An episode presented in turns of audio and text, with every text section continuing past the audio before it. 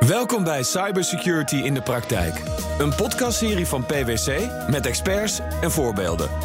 Van hype naar echte toepassingen.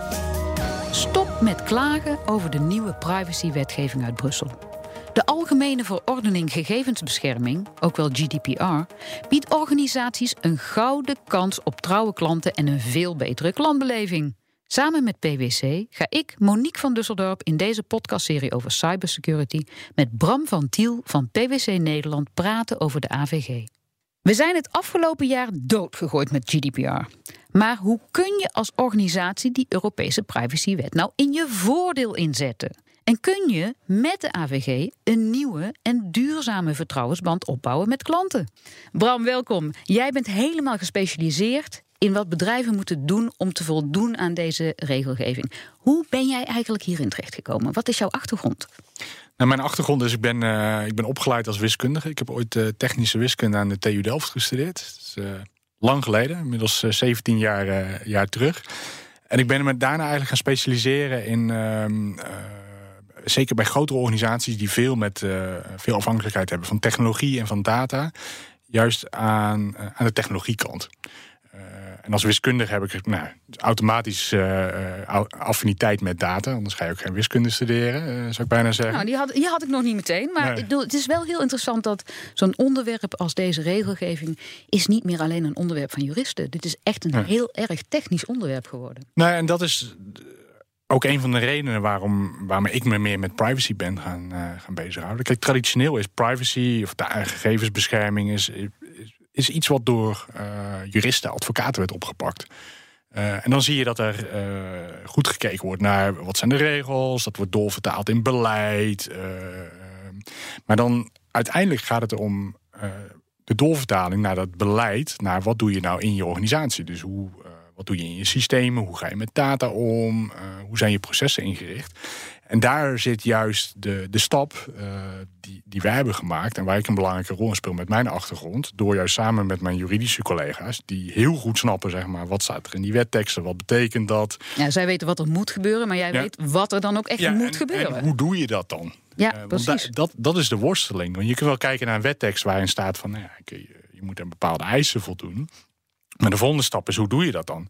En ik denk niet uh, dat je dan ook moet nadenken, niet alleen hoe je het doet, maar hoe je dat dus ook op een nou, zeg maar, sustainable toekomstvaste manier doet. Uh, en dat je niet alleen kijkt naar de compliance angle, maar ook kijkt van ja, kan ik er nog meer uithalen dan puur het voldoen aan privacywetgeving?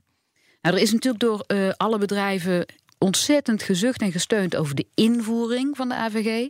En um, afgelopen acht maanden had iedereen zijn zaakjes al op orde moeten hebben. Hebben bedrijven daar nou ontzettend veel energie en geld in moeten steken om inderdaad te zorgen dat het, dat het allemaal oké is? Ja, je ziet echt wel dat er een, een flinke uh, piek in, uh, in nou ja, laten we zeggen, tijdsbesteding is geweest rondom, rondom GDPR. Dus het, sommige organisaties zijn al in, in 2015, 2016 begonnen met het voorbereiden op de GDPR.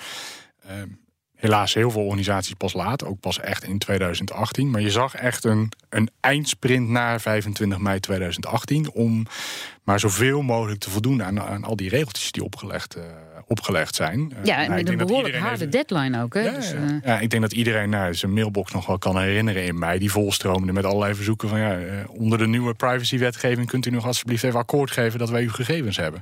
Of u nog steeds deze nieuwsbrief mogen blijven sturen. Ja, precies. We hebben dit nu acht maanden gedaan en we willen eens even gaan kijken. Wat klopt er nou wel en wat klopt er nou niet? Ik ga drie stellingen aan je voorleggen. En de eerste is: organisaties met 250 of meer medewerkers moeten allemaal een register bijhouden van verwerkingen van persoonsgegevens. Is dat waar of niet waar?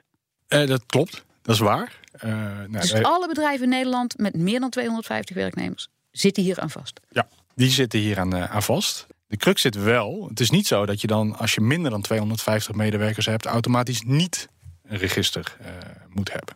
Er, zit, er zitten een paar. Uh, in principe zegt de GDPR: je moet gewoon een register hebben. Maar er zijn een paar afwijkingen. En die afwijkingen gelden als je. Ja, en minder dan 250 uh, medewerkers hebt. En het gaat echt om medewerkers, hè, dus niet FTE.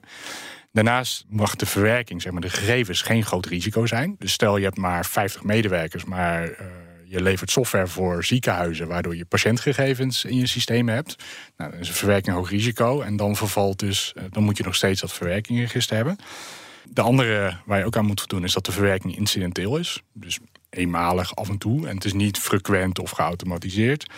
Uh, en het zijn geen bijzondere persoonsgegevens. En, en als je nou kijkt, heel veel organisaties hebben daar uh, heel hard aan gewerkt, ook samen met jullie.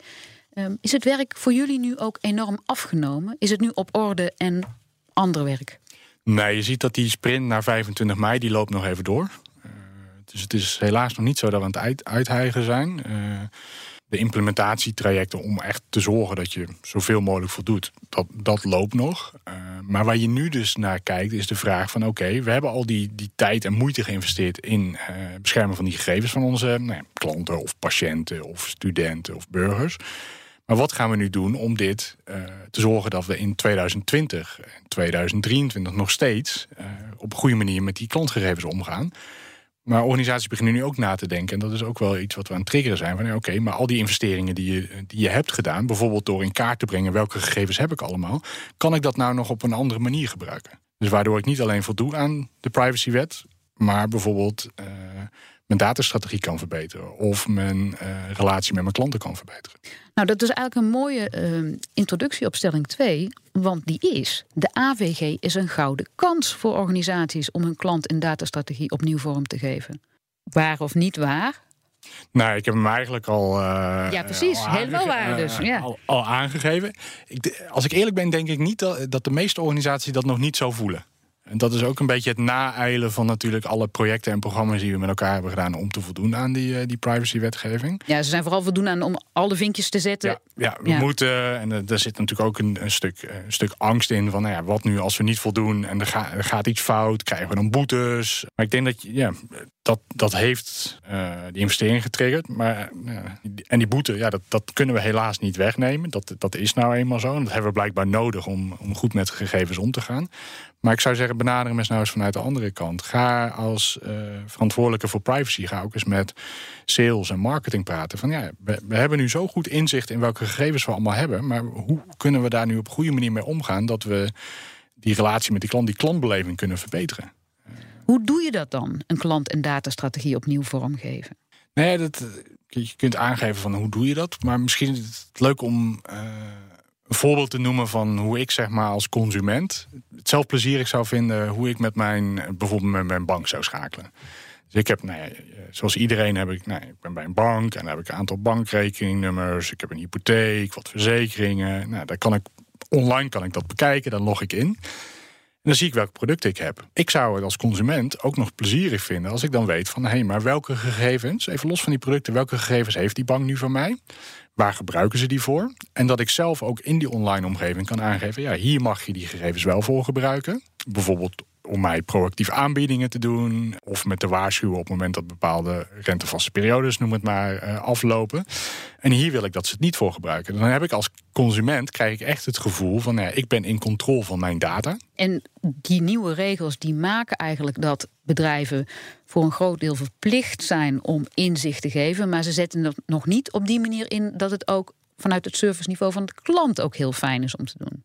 Nee, het is nog steeds heel erg gedreven, zeg maar, bijvoorbeeld zo'n verwerkingregister is nog steeds heel erg gedreven vanuit de compliance. Dus wat je ook ziet is dat veel organisaties, nou, hoe hebben die een verwerkingregister opgesteld? Is door gewoon, nee, een beetje de ouderwetse manier. Uh, we stellen een template op, een vragenlijst, die sturen naar heel veel mensen in de organisatie en die vragen we ze om het in te vullen van nou, welke persoonsgegevens heb je? Uh, en dat wordt dan samengevoegd in één verwerkingregister. Ja, en dat is ergens. En voor de, de klant van zo'n bedrijf heeft dat eigenlijk nauwelijks effect. Nee, die ziet dat niet. Uh, er zitten twee nadelen aan. Dus inderdaad, die klant ziet dat niet, die merkt daar niks van. En het tweede is, je hebt dan eenmalig zo'n register. Uh, maar wie gaat dat bijhouden? Want er komen, ja, je, gaat nu, je hebt nieuwe producten, je gaat nieuwe pro uh, processen. Nou ja, er zijn organisaties die stoten een deel van de organisatie af in de verkoop. Dus eigenlijk zijn alle afdelingen in het bedrijf betrokken bij het register, of ze dat nou weten of niet. En zou je niet alleen de informatie uit het register in, binnen het bedrijf in kunnen zetten, maar je zou het ook richting je klanten in kunnen zetten. Klopt. En ik denk dat daar de, de crux wel in zit, is dat we ook op een andere manier moeten omgaan met zo'n verwerkingregister. En, en zo'n verwerkingsregister, je, hebt, je noemde zelf al de inzet van technologie als een randvoorwaarde om zo'n gouden kans te pakken. Maar over wat voor soort technologie heb je dan? Nou, ik denk het verwerkingsregister is een heel mooi voorbeeld van. Ja, die traditionele manier van lijstjes uitsturen, iedereen invullen en dat wordt dan samengevoegd ergens centraal in een verwerkingsregister. Je hebt gewoon ook hele mooie technologie, onder andere vanuit de, de, de forensische wereld en de data-analysewereld, waarbij je geautomatiseerd systemen, of ze nu on-premise zijn of in de cloud zitten, kunt afscannen en om te zien, hey, waar staan nu precies persoonsgegevens? Dus gewoon om uit te vinden welke gegevens er überhaupt zijn, heb je technologie. En ehm, is er nog andere technologie? Zijn er nieuwe technologieën beschikbaar voor al deze bedrijven om er meer mee te kunnen doen dan alleen maar zorgen dat ze geen boete krijgen? Nou, ik denk dat uh, veel van de technologieën. Nee, dit, is, dit is een bestaande technologie, die we dus nu, forensische technologie, die we nu op een andere manier aan het inzetten zijn. Dus ik denk dat veel van de technologieën ook, zeg maar, in de communicatie. Ik sprak net over die online omgeving met mijn bank. Ja, veel van die technologieën die zijn er al. Alleen die worden nu heel erg ingezet vanuit een bepaalde koker. Ja, dit is nog niet gekoppeld aan wat er verder in de dus, organisatie Dus in een organisatie zijn de mensen van privacy, die hebben nog niet gesproken, of misschien wel, maar nog niet over technologie met de mensen aan de sales of aan de. En marketing, productontwikkeling, ja. Uh, ja. klantbeheer en al die zaken. Ja, dus ik denk dat er veel qua technologie al is. Ik denk veel vaak ook al in gebruik bij de klant. Alleen we maken er nog geen optimaal gebruik van de, de onderliggende aanname is natuurlijk wel dat een organisatie die heel goed omgaat met de privacy van de klant, de, of de patiënt, de burger of de student, ook uh, erbij gebaat is om heel transparant te zijn over datagebruik. Klopt dat voor alle organisaties? Stel je komt binnen bij een ziekenhuis en je hebt een gebroken been. Ga je dan eerst kijken hoe dat ziekenhuis omgaat met jouw persoonsgegevens? Ik niet. Ik zou in eerste instantie zeker willen weten dat. Uh, dat iedereen die er is weet wat er met jou in de hand is. Ja, en dat ik geholpen word en dat ik van de pijn af ben. Dat, dat is dan op dat moment. Uh, het belangrijkste. Het belangrijkste. En dan wil ik nog steeds weten dat dat ziekenhuis goed met mijn persoonsgegevens omgaat. Maar op dat moment is mijn probleem is dat gebroken been. Ja. Als ik keuze heb, zeg maar, tussen. Nou ja, e-commerce bedrijven. Waar ga, ik, waar ga ik mijn bestelling wel of niet doen? Of, of banken of uh, pensioenfondsen. waar ga ik wel mee in zee en waar niet? En dan kan privacy kan een doorslaggevende factor zijn om te zeggen: ik ga daar wel met die organisatie die met mijn gegevens op een goede manier omgaan, daar wil ik wel mijn uh, gegevens mee delen en daar wil ik zaken mee doen. Dus vooral in die markten waar de concurrentie is, is die combinatie van duidelijk laten zien hoe je met privacy omgaat en daar heel transparant over zijn, kan een winnende combinatie zijn. Ja in die paniek rond die hele GDPR-deadline hebben heel veel bedrijven dingen gedaan die juridisch gezien wel helemaal niet hoefden. En daar zijn ze misschien heel veel mensen door kwijtgeraakt. Klanten, nieuwsbriefabonnees. Krijg je die dan nog terug? In die end wel. Het is niet iets nieuws, maar ja, eh, vertrouwen komt, uh, komt te voet en gaat te paard. En dat gaat dus ook met privacy. Uh, dus als je dat. Ik heb organisaties gezien die een privacy incident hebben gehad. Eh, maar die daar op zo'n goede manier mee om zijn gegaan. Ook in de communicatie met hun klanten. Dat, hun, dat de impact minimaal was. Maar op het moment dat je herhaald incidenten hebt, daar onduidelijk over communiceert, aan de voorkant al niet transparant bent over welke gegevens heb ik, dat niet deelt met je klant, op een gegeven moment uh, is het op en dan gaan mensen weg. Die AVG, dat is natuurlijk een soort puzzel. Die compliance die zorgt dat je sommige gegevens wel mag verzamelen, andere niet, hoe je ze moet bewaren. Hoe breng je nou de belangen van de verkopers, die heel veel willen weten, en de juristen, die daar juist veel voorzichtiger in willen zijn, in die organisatie op één lijn? Nou, dat is uiteindelijk met elkaar om tafel gaan. Het, is, het zijn nu nog te veel gescheiden werelden.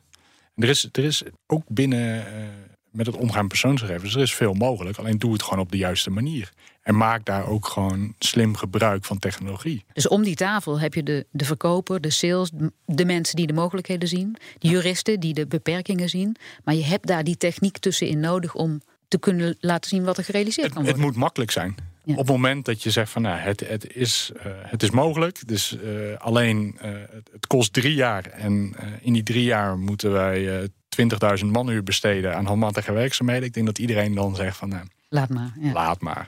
Ik ga over naar de derde stelling. De maximale boete voor het overtreden van de privacywet is 20 miljoen euro of 4% van de wereldwijde omzet. Waar of niet waar?